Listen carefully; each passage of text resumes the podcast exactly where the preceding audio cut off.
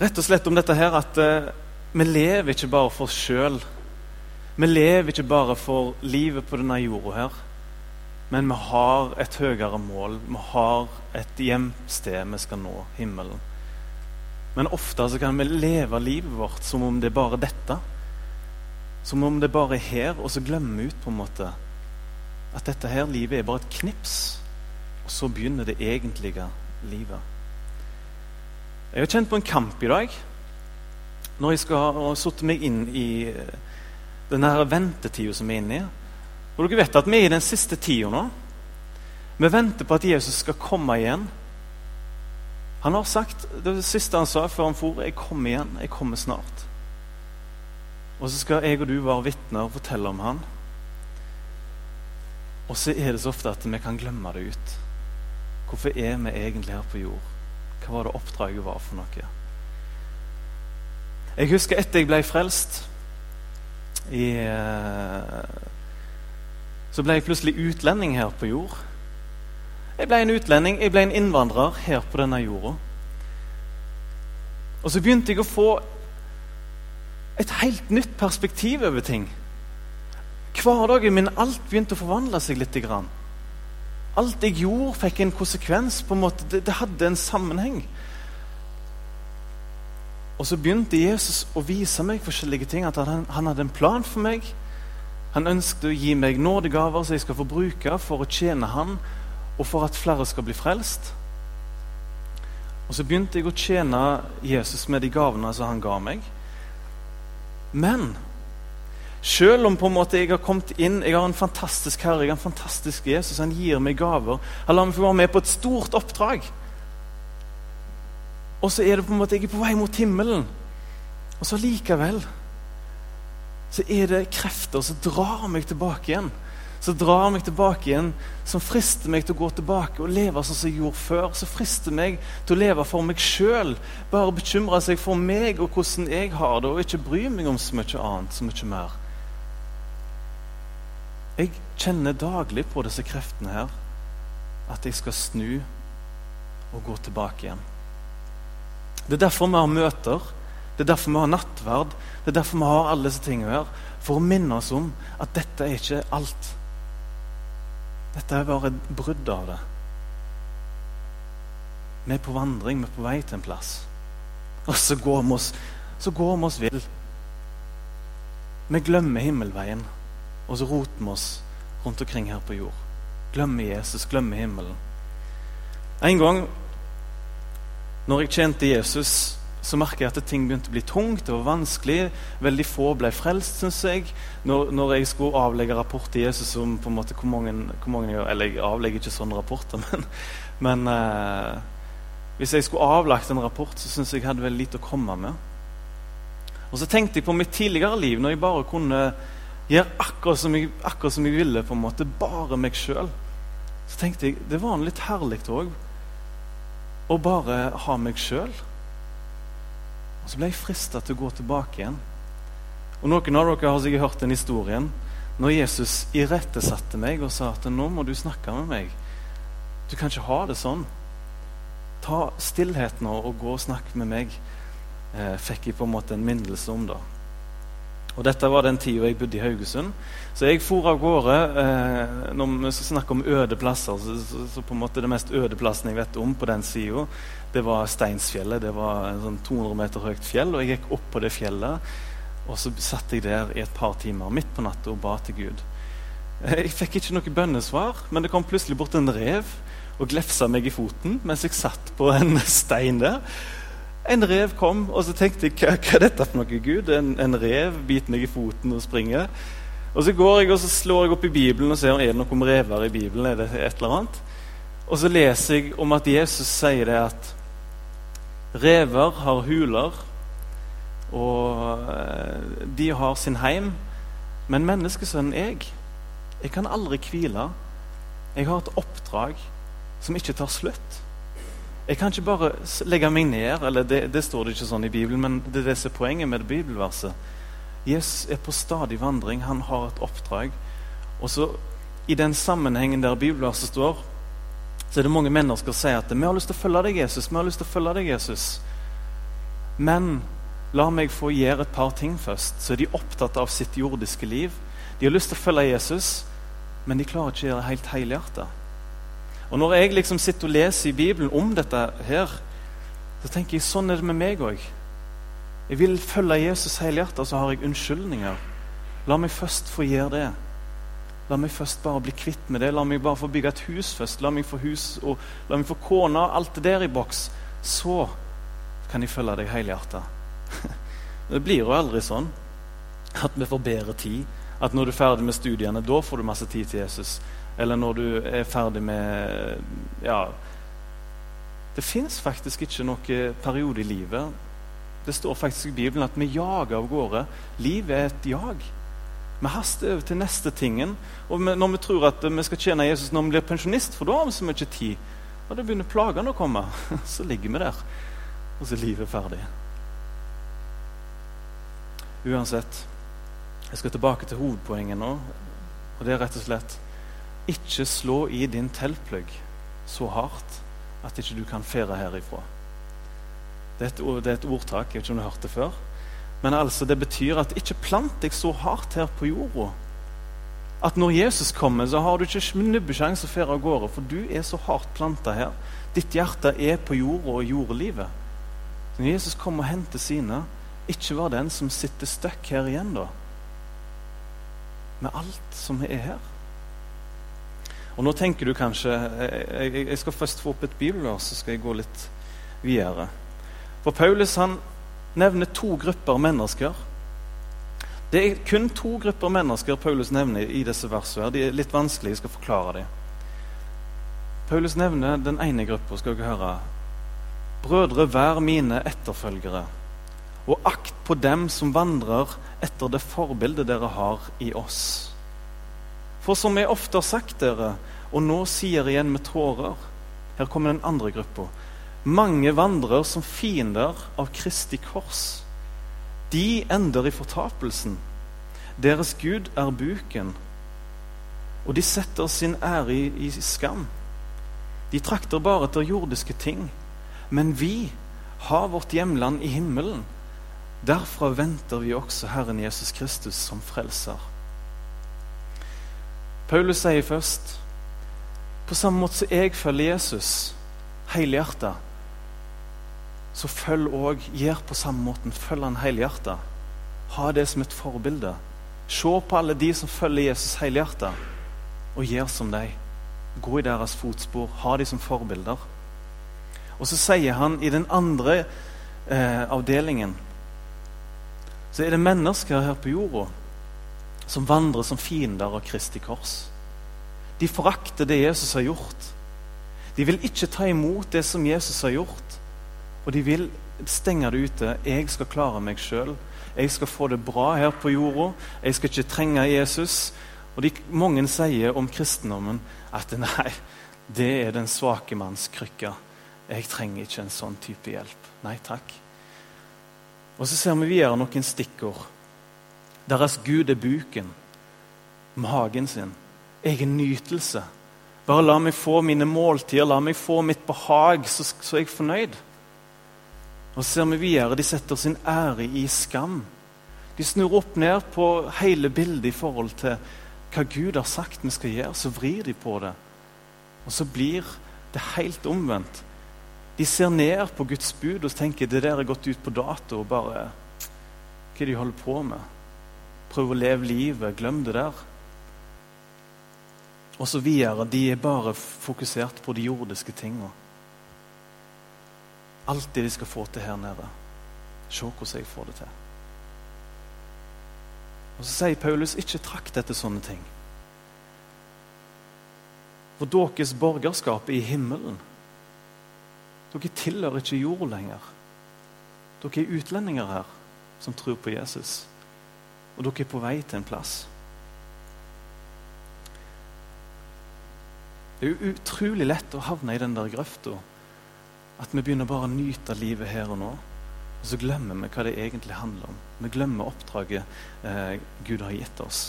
Det er så mange mennesker rundt omkring som forakter korset, og så vet de ikke bedre. De vet egentlig ikke hva korset er for noe. De ser bare offer. De ser bare den sida der og forstår de ikke at det er verdens beste gave. Det er Gud som har gitt sitt liv for oss, for at vi skal få leve. Og så ser de kun de negative konsekvensene med det. De vil ikke la stoltheten ryke. De vil være sin egen herre. Så blinder de seg på det. Nå, Før jeg går videre ifra dette, her, så er det kanskje noen som tenker ja, men hva med Vi skal jo leve her på jorda òg. Vi skal jo få en utdannelse. Vi skal få en jobb. Vi har forskjellige ting. Vi har et ansvar. Vi skal få familie og sånne ting etter hvert, kanskje. Ja, dette her har Gud sjøl sagt vi skal gjøre. Vi skal ta ansvar for vår liv. Ikke være til en unødvendig byrde for andre på den måten at vi f.eks. ikke jobber, og så må vi på en måte gå til naboen og spørre om vi har, har du ei brødskive til meg. Det er ikke sånn vi skal Det har Gud sagt, det er ikke sånn vi skal gjøre. Vi skal forvalte jorda, det som er her, ressursene, ta ansvar for vår liv. Så hvis du lurer på om jeg kommer til å si i løpet av talen at dere må bare bli misjonærer, hele gjengen, så ja, jeg kan godt si det. Men vær misjonær der du er, på din arbeidsplass, i din familie, hvor hen du er. Noen av dere skal reise ut, så klart. Men alle vi skal ha et misjonærperspektiv over livet. Men ta ansvar for ditt liv. Forvalt det som Gud har gitt deg. Forvalt livet her på jord. Men aldri glem himmelen. Ikke la noe annet komme i veien for det. Det står faktisk i andre Tessalonikerbrev. Har dere sett disse folka som går omkring med skilt og sier 'enden er nær'? Og Så selger de alt og setter seg på en haug og så venter de på at eh, nå kommer dommedag.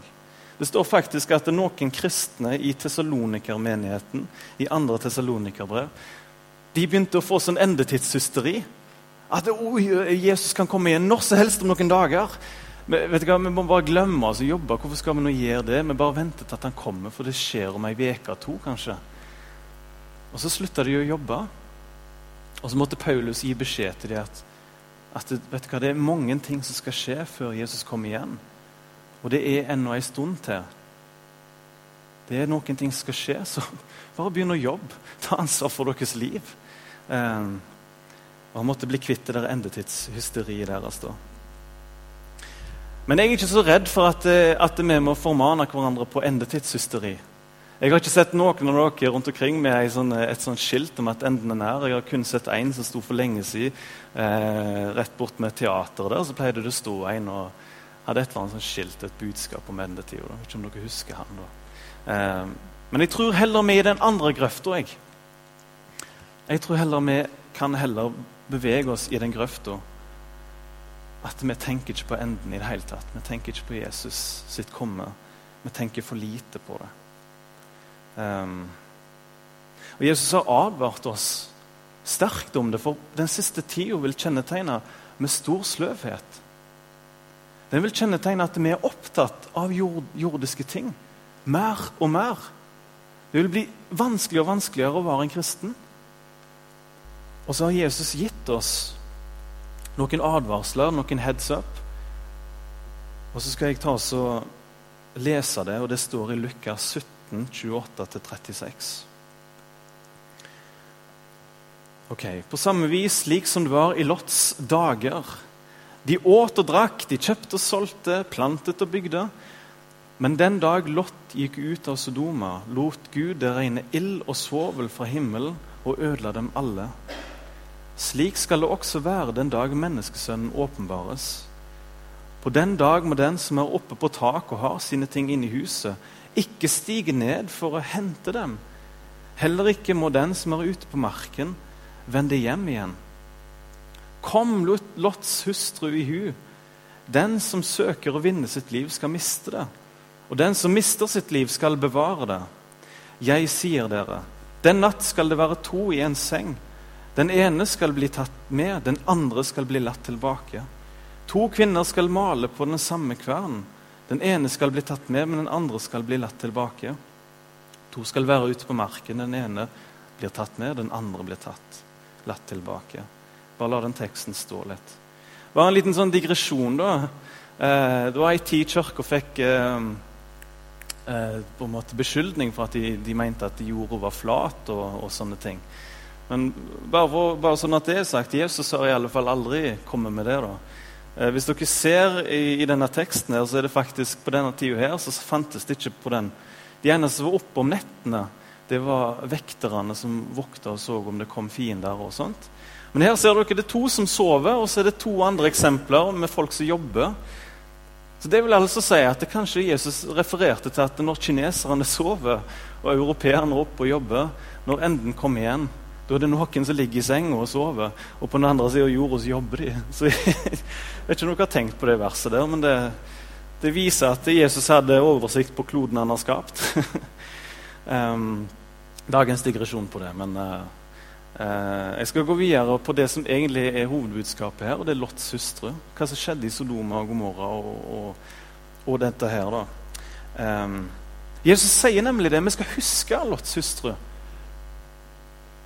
Hvor mange er det som husker Vi trenger ikke håndsopprekning, men husker du hva som skjedde med Lots søstre? Har du lest om det i første Mosebok? Før vi går videre, dere ser det at Sodoma var en, var en by der Gud måtte la dommen komme. Og svovel og ild regna over det og utsletta byen. Og det var kun eh, noen få som ble berga ifra den byen da, pga. Guds nåde. Grunnen til at eh, Sodoma måtte bli utsletta, eh, det, det, står i Esekiel 16,49. Da kan vi få opp det. Dette er grunnen. Se, dette er Sodomas, din søsters misgjerning. Overmot. Overflod av brød og trygg ro hadde hun og hennes døtre. Men den elendige og fattige hjalp hun ikke. Grunnen til at Guds dom kom over Sodoma, var pga. en enorm stolthet. Vi trenger ikke Gud. De var hovmodige og klarte seg sjøl. Og videre de hadde overflod, luksus. De hadde fullstendig ro. Og når det var nødlidende, enten rundt omkring, så brydde det seg ingenting. Derfor kom dommen. Og Mange vet også at i Sodoma og Gomorra så var det en enorm utagering i forhold til seksualiteten. Det var helt vilt. De hadde voldtekt. Menn voldtok andre menn. Og mange tenker at ja, der, der, derfor der har du den synda de gjorde. Og så ser vi hva Gud legger spesielt merke til. Overmot. Er du av den typen som klarer deg sjøl? Er du av den som går i kategorien overmodig, stolt? Trenger ikke Gud. Klarer deg fint sjøl. Det er en veldig farlig tilstand å være i. At det er den Gud som har skapt deg. Og Hvis du tror på han og tror på Guds sønn og har gitt deg evig liv, at du sakte, men sikkert ikke trenger det lenger. Det er en farlig tilstand. Men her ser dere iallfall grunnen til at det gikk som det gikk med Sodoma. Og jeg syns faktisk dette her ligner litt på hvordan situasjonen er i Norge i dag. Vi har alt. Og det fikk vi bare på noen få tiår. Før der igjen så var vi et usselt lite folkeslag. Fattigst. Og du så hvordan vi trengte Gud da. Fiskere, jordbruksfolk måtte be til Gud. Gi oss nok mat. Gi oss det vi trenger. Fattige koner som var redde for sine barn, at de skulle få nok. Så plutselig så kommer olja. Og så blir vi rikest i verden. Og så blir vi det mest stolte folkeslag. Viser Gud veien ut. Ut av alt.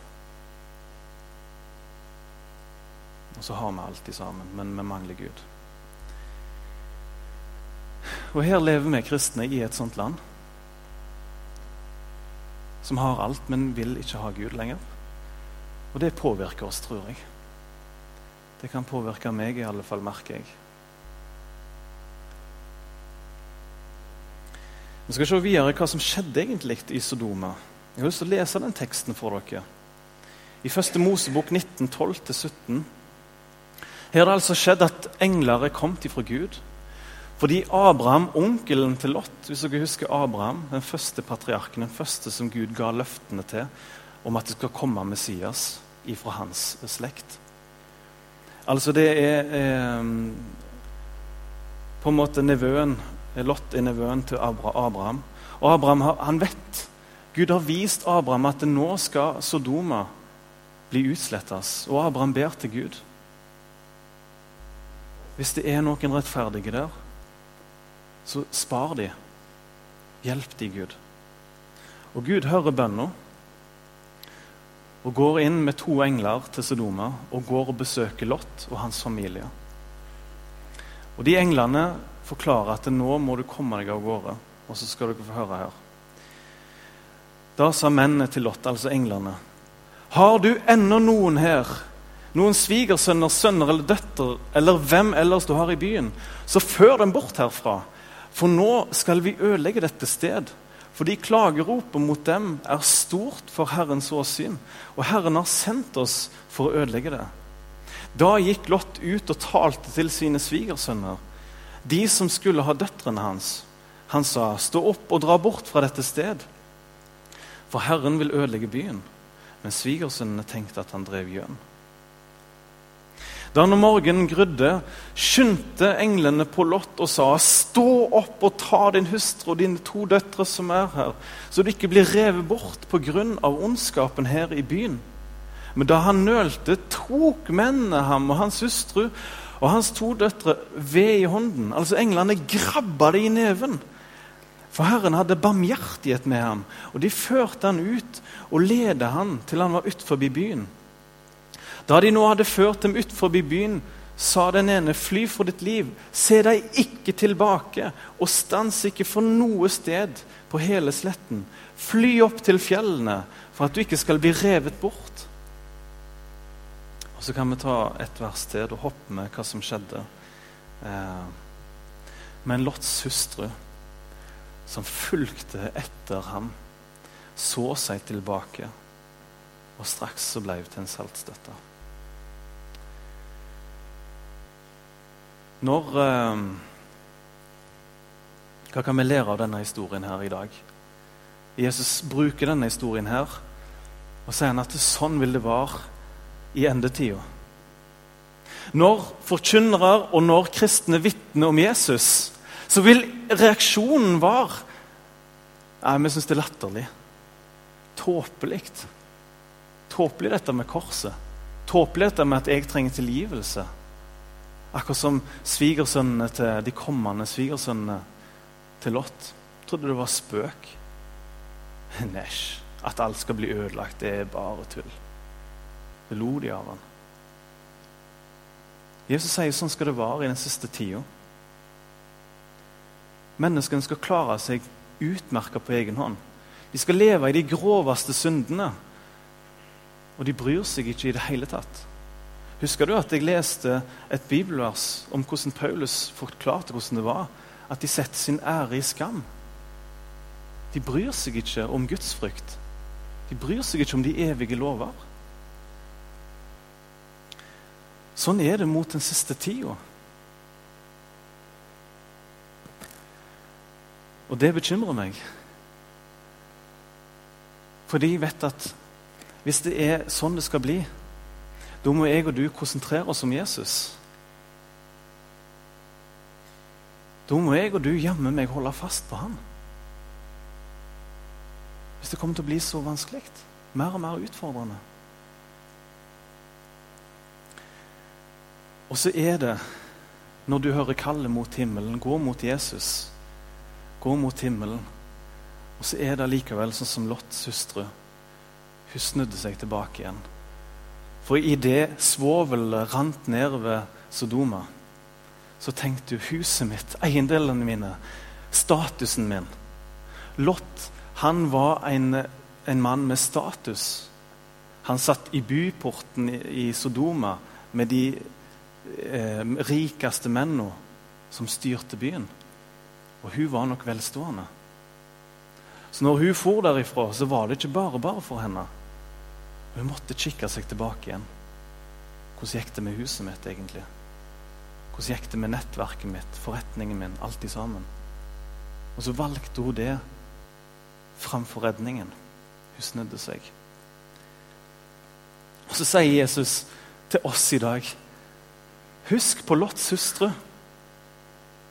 Husk at hun gikk rett i fella i forhold til hvordan kreften i verden var, fristelsen var.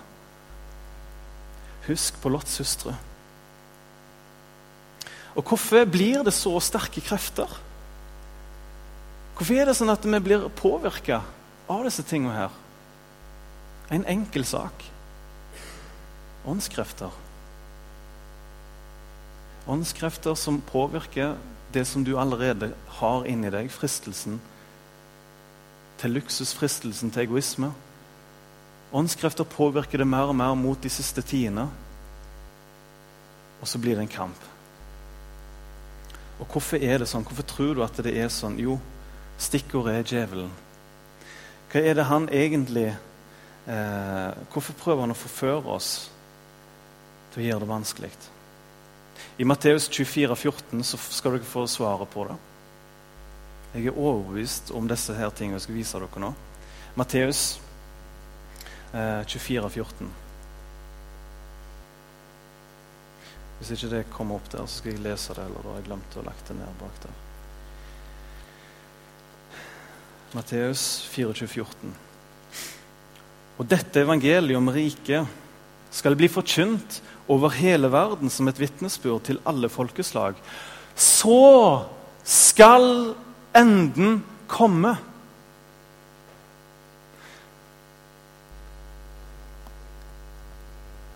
Hvis djevelen klarer å få meg og deg til å bli så opptatt av dette jord, jordlivet her, og ikke opptatt av himmelen, ikke bli opptatt av å vitne for andre mennesker, da klarer han å gjøre én ting utsette Jesu gjenkomst.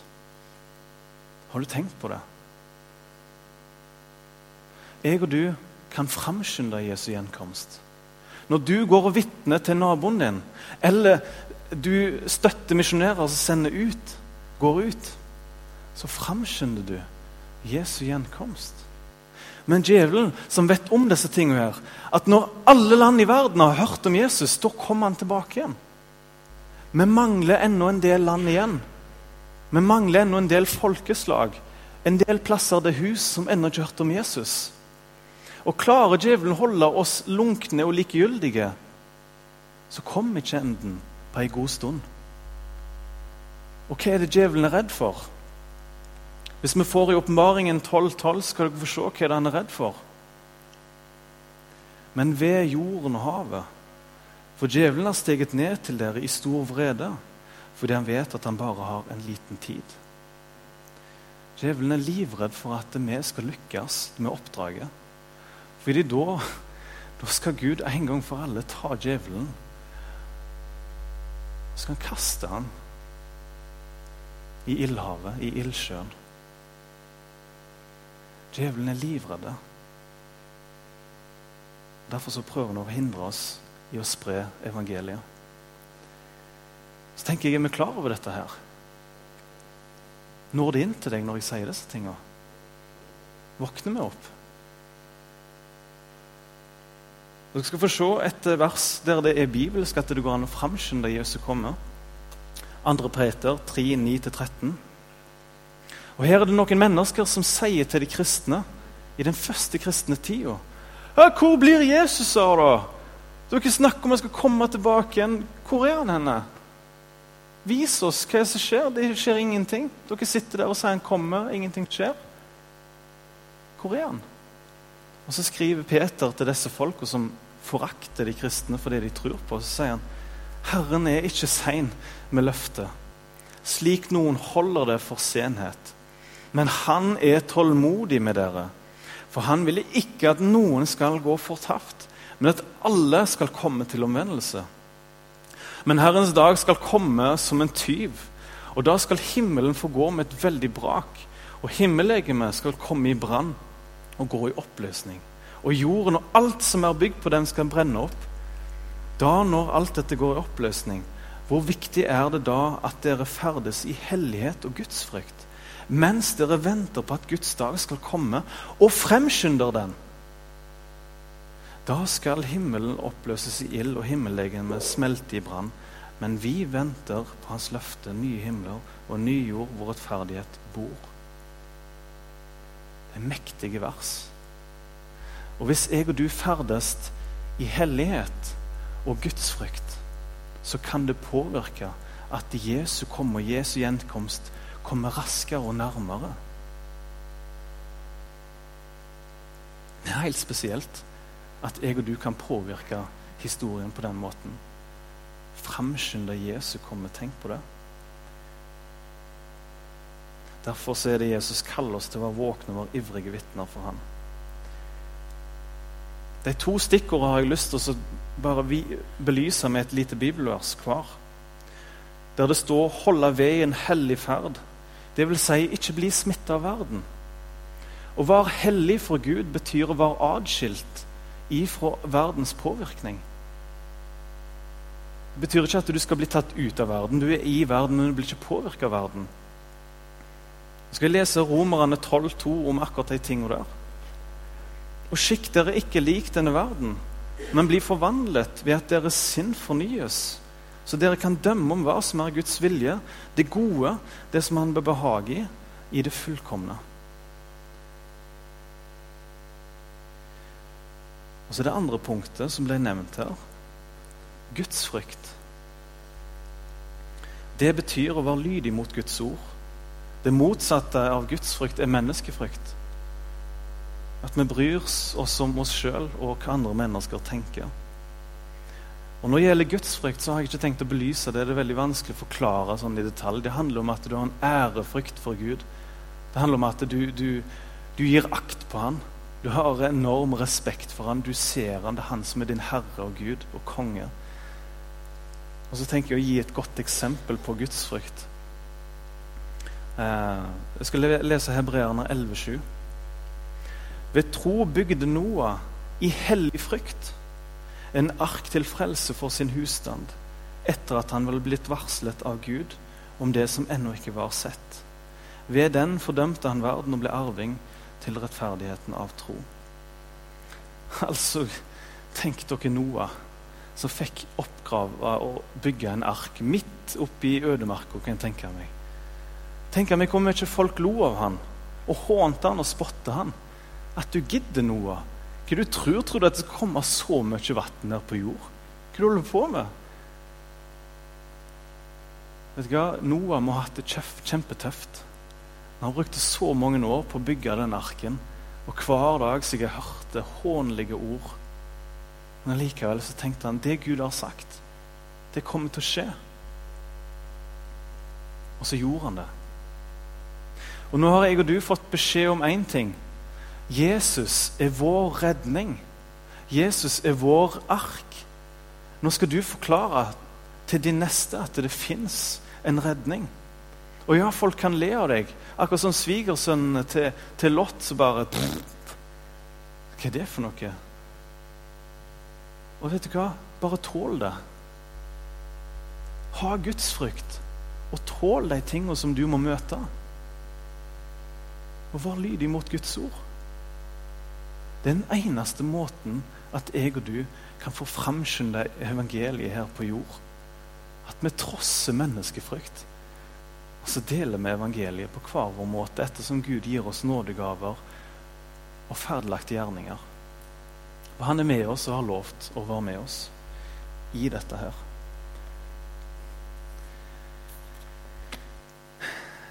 Hvis vi følger disse ordene her som står i Bibelen om disse tingene her, så vil ikke ditt liv bli det samme. Du vil bli forvandla du vil tenke på en helt annen måte når du står opp om morgenen. Det er ting som blir viktigere når du får himmelen over ditt liv.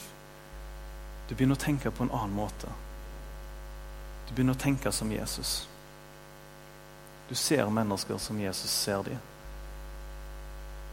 Du får en helt annen kjærlighet til dem, for du vet du har Jesus med deg, og han lærer deg om hvordan du skal møte mennesker. Hvis du er inne nå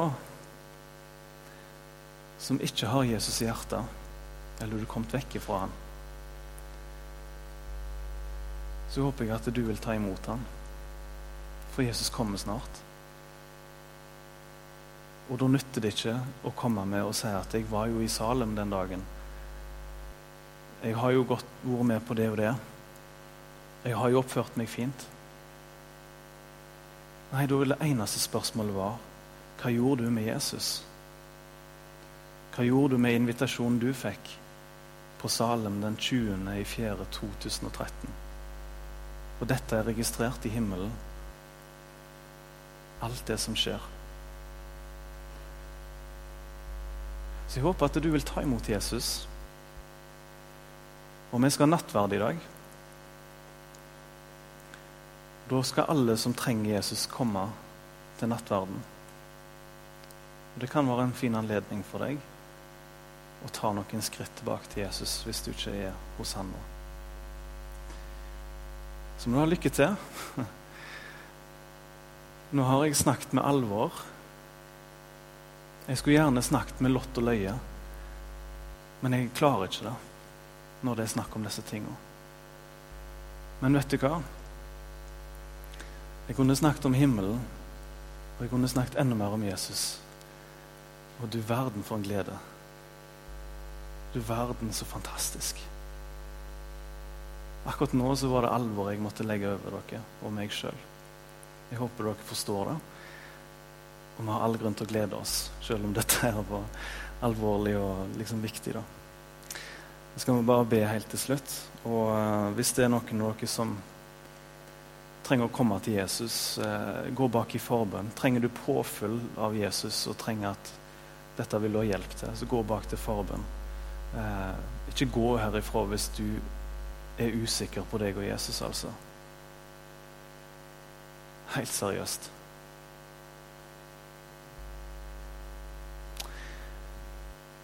Kjære Jesus, takk at du kom til jord. Vi fortjente det ikke å få en sånn redningspakke. Vi hadde vist deg ryggen, Jesus. Vi hadde svikta deg på alle mulige måter, og så kommer du, Jesus, allikevel. Du kommer og tar vår plass. Du gikk ned ifra himmelen, ifra din herlighet, og så gikk du ned og tok på deg en menneskes skikkelse. Så tok du straffen i vår plass sånn at vi kan få syndenes forlatelse, sånn at vi kan få Den hellige ånds gave. Sånn at vi kan få mening med liv, Herre Jesus. Du kan gi oss en himmel over våre liv og vise oss hvor vi egentlig hører hjemme. Vi hører egentlig hjemme hos deg, Jesus. Her på jord er vi bare utlendinger. Vi hører egentlig ikke til her, vi som tror på deg. Men vi venter stadig på at du kommer igjen. Og Hjelp oss å være vitner for deg, Jesus. Hjelp oss å framskynde ditt komme. Med å våge å dele ditt ord med andre. Med å våge å dele deg, Jesus, med andre mennesker. Må du velsigne oss i det oppdraget du har gitt oss. Og la oss få lykkes og se din gjenkomst snart, Herre. Og at mange er blitt frelst innen den tid. Amen.